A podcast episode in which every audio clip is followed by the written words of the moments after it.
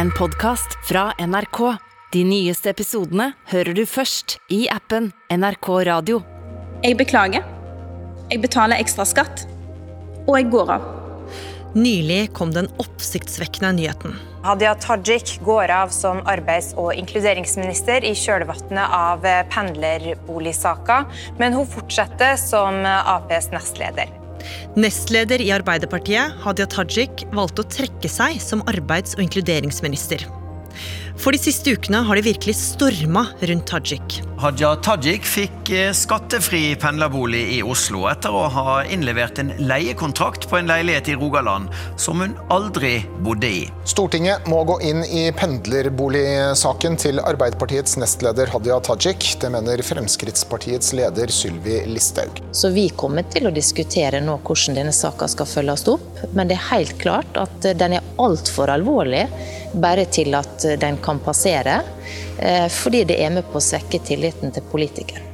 Det hele starta med et ganske så uvanlig innlegg på Facebook. Hun eh, kritiserte en til da upublisert Aftenposten-sak. Tajik omtaler saken som en presseskandale. Den metoden hun valgte var djupt problematisk fordi den eh, skader noe av det journalistiske arbeidet. Og det endte i spørsmål om et pikerom, en pendlerbolig og datoen på en leiekontrakt. Hva var det som førte til at hun trakk seg? Du hører på Oppdatert. Jeg heter Gry Veiby. Det var fredag kveld. Jeg lå hjemme på sofaen og så på TV og scrolla på mobilen eh, samtidig. Så så jeg et innlegg på Facebook som gjorde at jeg rett og slett måtte sette TV-en på pause. Astrid Randen er politisk journalist her i NRK. Og Astrid, hva var det som sto i dette innlegget? Du, dette var et ganske langt innlegg, og der eh, skriver nestleder i Arbeiderpartiet Hadia Tajik at hun har valgt å ikke ha pendlerbolig i tolv år. Unntaket er tre måneder i 2019. Og Tajik skriver på Facebook at dette forsøker Aftenposten nå å lage en skandale av. Og saka hun snakka om, den var da ennå ikke publisert, men ut fra det hun skrev, forsto vi at Aftenposten de holdt på med ei sak om Hadia Tajik og pendlerboligen som hun hadde i 2019. Ja. Og de siste åra har jo flere høytstående politikere vært i hardt vær pga. falske reiseregninger, eller at de har fått pendlerboliger som de ikke hadde rett på. KrF-leder Kjell Ingolf Ropstad trakk seg i dag både som statsråd og som partileder. Stortingsrepresentant Masiar Keshvari er dømt til fengsel i sju måneder for grovt bedrageri. Stortingspresident Eva Kristin Hansen valgte også i kveld å trekke seg etter at det ble kjent at politiet skal etterforske saken om pendlerleilighetene på Stortinget. Så nå kunne det jo virke som det dukka opp en stor avsløring om Hadia Tajik. Ja, og Tajik hun skriver da i dette Facebook-innlegget at hun ikke helt stoler på at avisa kommer til å gjengi hennes svar i helhet. Derfor publiserte hun nå på Facebook. Ja, for ifølge Tajik var avisa i ferd med å publisere opplysninger om trusselvurderinger og sikkerhetstiltak rundt henne mot hennes vilje. Og innlegget fikk masse oppmerksomhet på Facebook. Men dette Facebook-innlegget det reagerte Aftenpostens sjefredaktør sterkt på. Og nå skulle hun selv gå ut på Facebook, Astrid. Ja, Trine Eilertsen skrev at hun ikke kunne kommentere upublisert materiale, og at deres sak den var ikke ferdig ennå. De venta på svar fra Tajik, som i lang tid bare ville svare skriftlig og ikke ville stille til intervju. Så ut fra Facebook-innlegget til Hadia Tajik så forsto vi jo at Aftenposten hadde en sak på gang, selv om den ikke hadde blitt publisert. Og hva tenkte du om den saken? Jo, jeg lurte jo på egentlig hvor både Aftenposten og Hadia Tajik holdt på med. Og så tenkte jeg også at her må Aftenposten sitte på en skikkelig avsløring. Og mens mange nå satt og venta på denne saken til Aftenposten, som kanskje kunne oppklare nøyaktig hva Hadia Tajik mente at avisa prøvde å lage en skandale av, så kom plutselig en annen avsløring om Tajik fra en konkurrerende avis. En sak som skulle vekke ganske mye oppsikt. Hadia Tajik fikk eh, skattefri pendlerbolig i Oslo etter å ha innlevert en leiekontrakt på en leilighet i Rogaland. Men hun bodde aldri i leieboligen og betalte aldri leie der, avslørte VG i dag. For bare to dager etter dette Facebook-innlegget så kommer VG med en sak på søndag kveld som også handla om eh, Hadia Tajik og pendlerbolig. Men denne gikk mye lenger tilbake i tid og handla om helt andre forhold. Og denne saken, den var ganske oppsiktsvekkende. Og den tar oss tilbake til Hadia Tajiks første arbeidsdag i rikspolitikken i 2006. På et bilde så kunne vi se den 23 år gamle jusstudenten Tajik i vandrehallen på Stortinget. Hun hadde på seg jeans og blazer, og hun gikk ved siden av en eh, voksen mann med stresskoffert og dress. Det var daværende arbeidsminister Bjarne Håkon Hansen fra Arbeiderpartiet. Og han hadde tilsett Tajik som sin politiske rådgiver. Og på denne dagen som altså var hennes første arbeidsdag. Da tok hun skrittet fra å være student og et kjent åndelighet i AUF, til å være en del av regjeringsapparatet.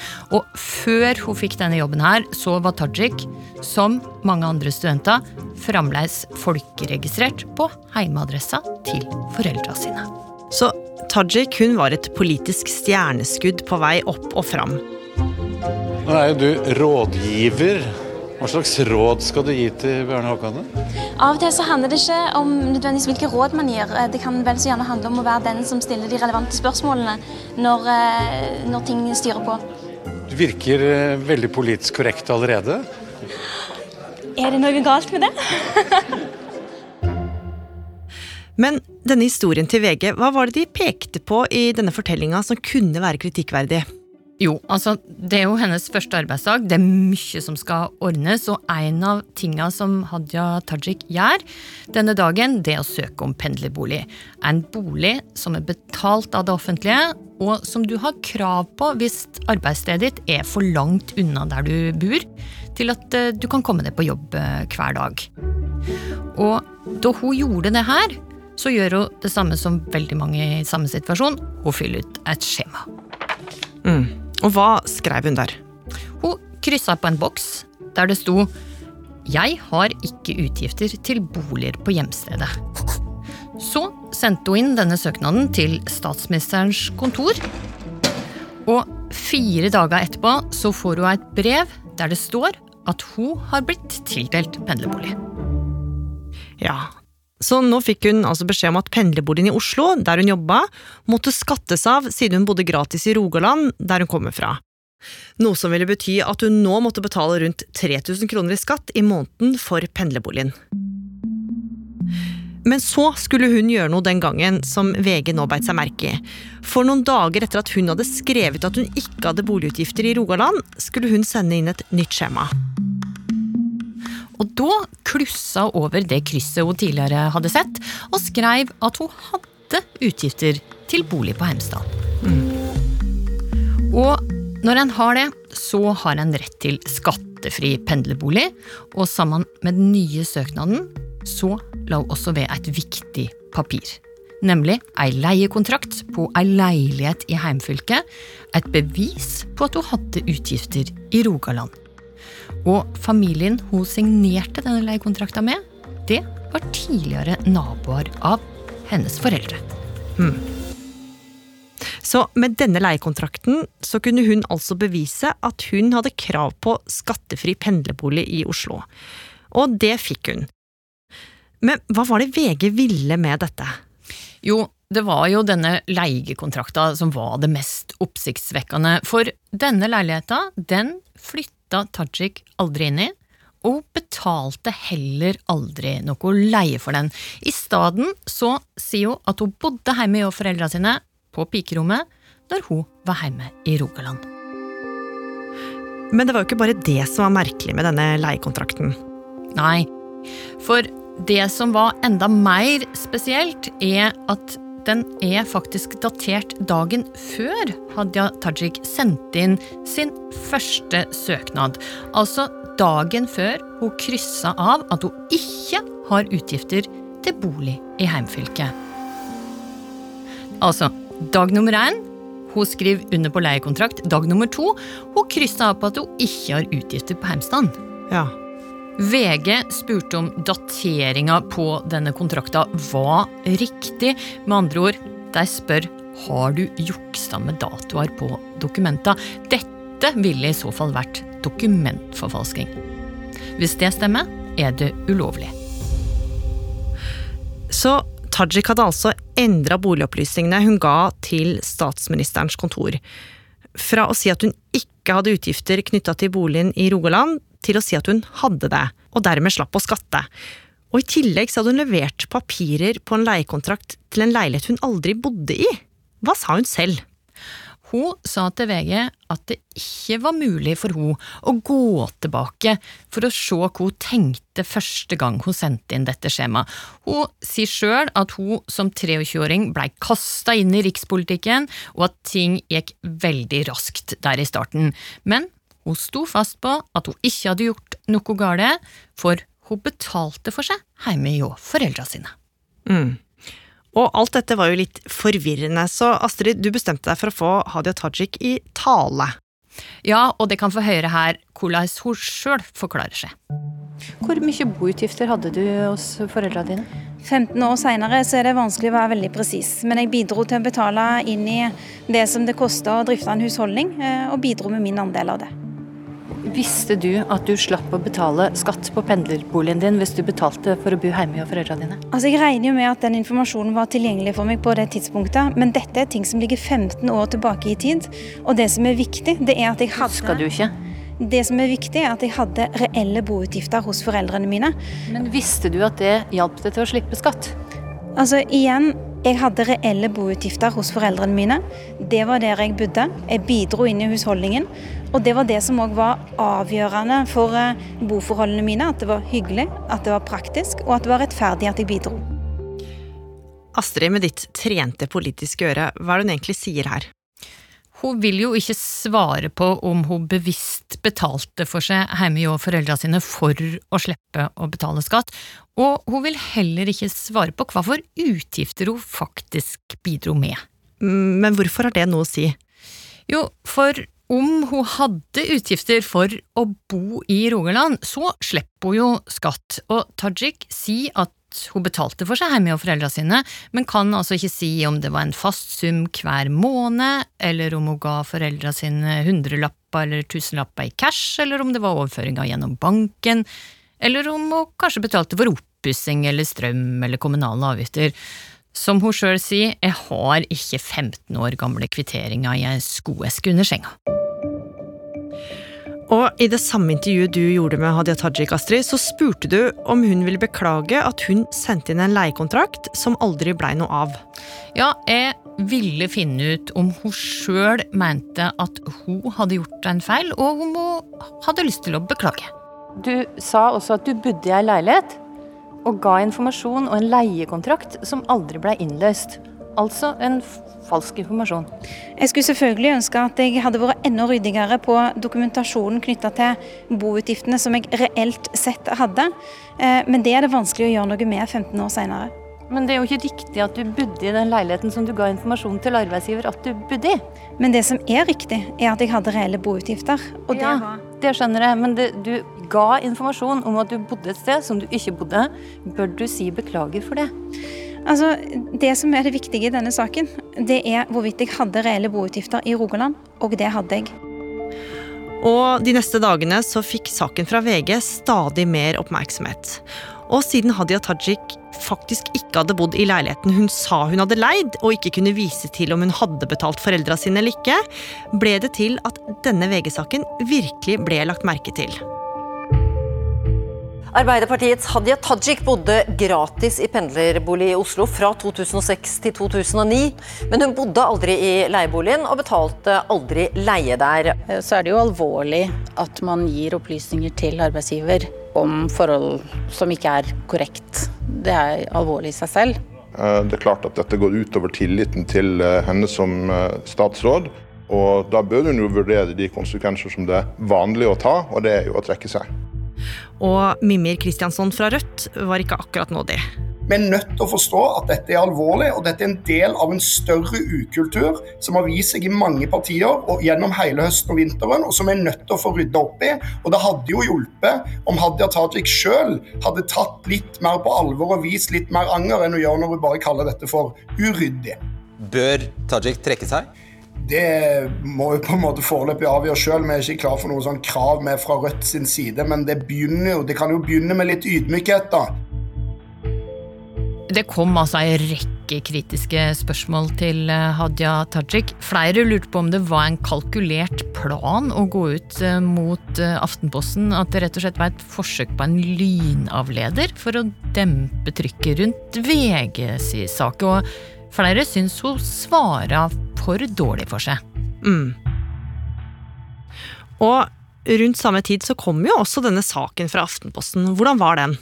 Jo, altså Den var jo ikke den store saka som jeg og mange andre hadde sett for seg. Hovedsaka var altså at Stortinget sa de ikke kunne være trygg på at Arbeiderpartiet sin nestleder hadde fått pendlerbolig i tråd med reglene disse tre månedene i 2019.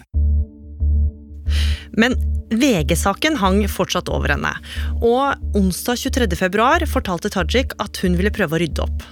Ja, og da sa hun at hun skulle betale tilbake skatten for de åra som hun hadde hatt skattefri pendlerbolig, og dette kan bli opp mot 200 000 kroner. Denne gangen her så beklaga hun, men innrømma ikke å ha gjort noe galt. Nei, jeg syns det er et uh, ryddig svar fra Hadia Tajik. Hun uh, ønsker å gjøre dette for å ikke la det være noe tvil uh, om at hun vil betale skatt. Og nå måtte jo også Hadia Tajik tåle å bli gjort til latter på Nytt på Nytt. Hadia Tajik sa dette er den mest alvorlige situasjonen siden andre verdenskrig. Mm. Jeg er litt usikker på om hun henspilte til sin egen situasjon. eller til det som foregår i Ukraina. Det var nok overgrepet fra Aftenposten, ja. ja. Men det er jo fremdeles noen spørsmål som er ubesvart i denne saken.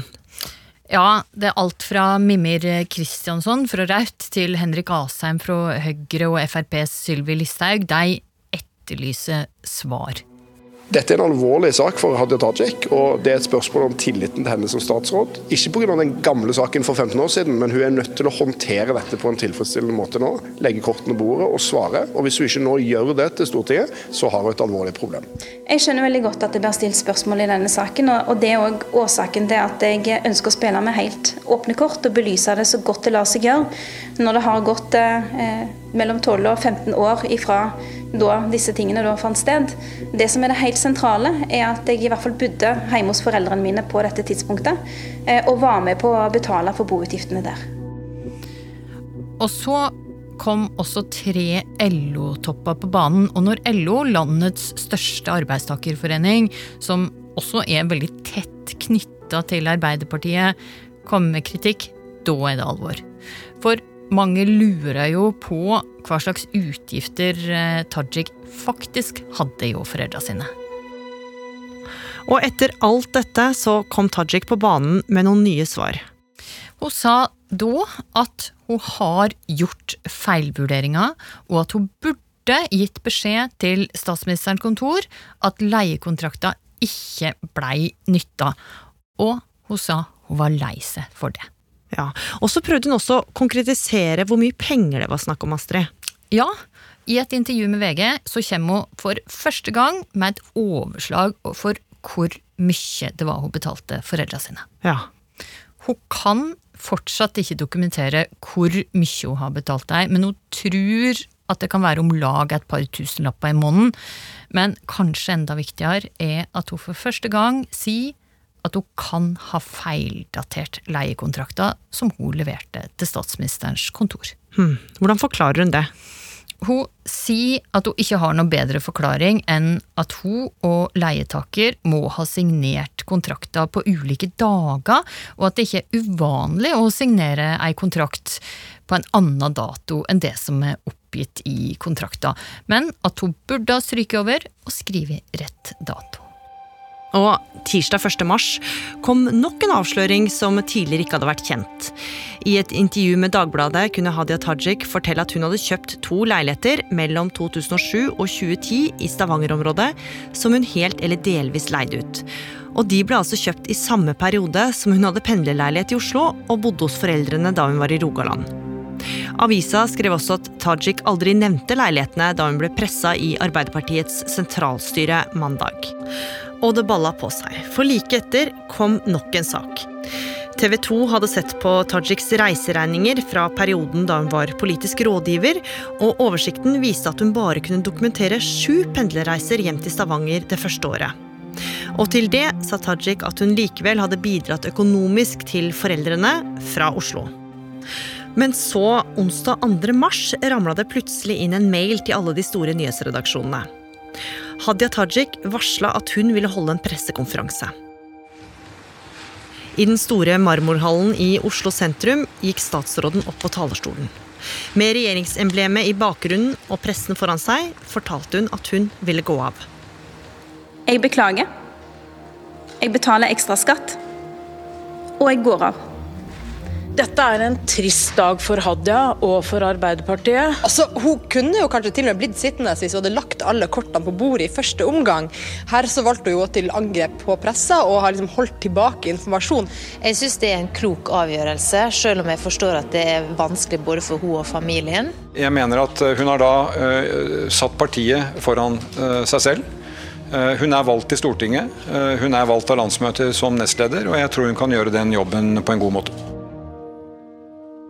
Lars Nehru Sand, politisk kommentator eh, her i NRK, du er med fra Stortinget. Og denne saken og alt som har kommet fram, har jo pågått i flere uker. Hvorfor gikk hun av nå? Fordi hun skjønner at denne saken ikke går over, og at det er påvirker tilliten hennes i befolkningen, og, overskygger det arbeidet hun gjør som statsråd. Så for at både hun selv, men også partiet og regjeringen skulle få noe som helst arbeidsro, så var det det rette å gjøre. Flere har spådd Tajik en framtid som partiets neste statsministerkandidat. Hvordan ser framtida hennes ut nå? Det er vanskelig for henne å skulle bli partileder eller statsminister, selv om det eh, ville ligget mange år frem i tid uansett. Eh, så er det altfor tidlig nå å analysere hvordan hun, hennes politiske karriere vil fortsette. Hun vil jo eh, fortsatt være stortingsrepresentant hele denne perioden, og hun fortsetter som nestleder etter det vi vet nå.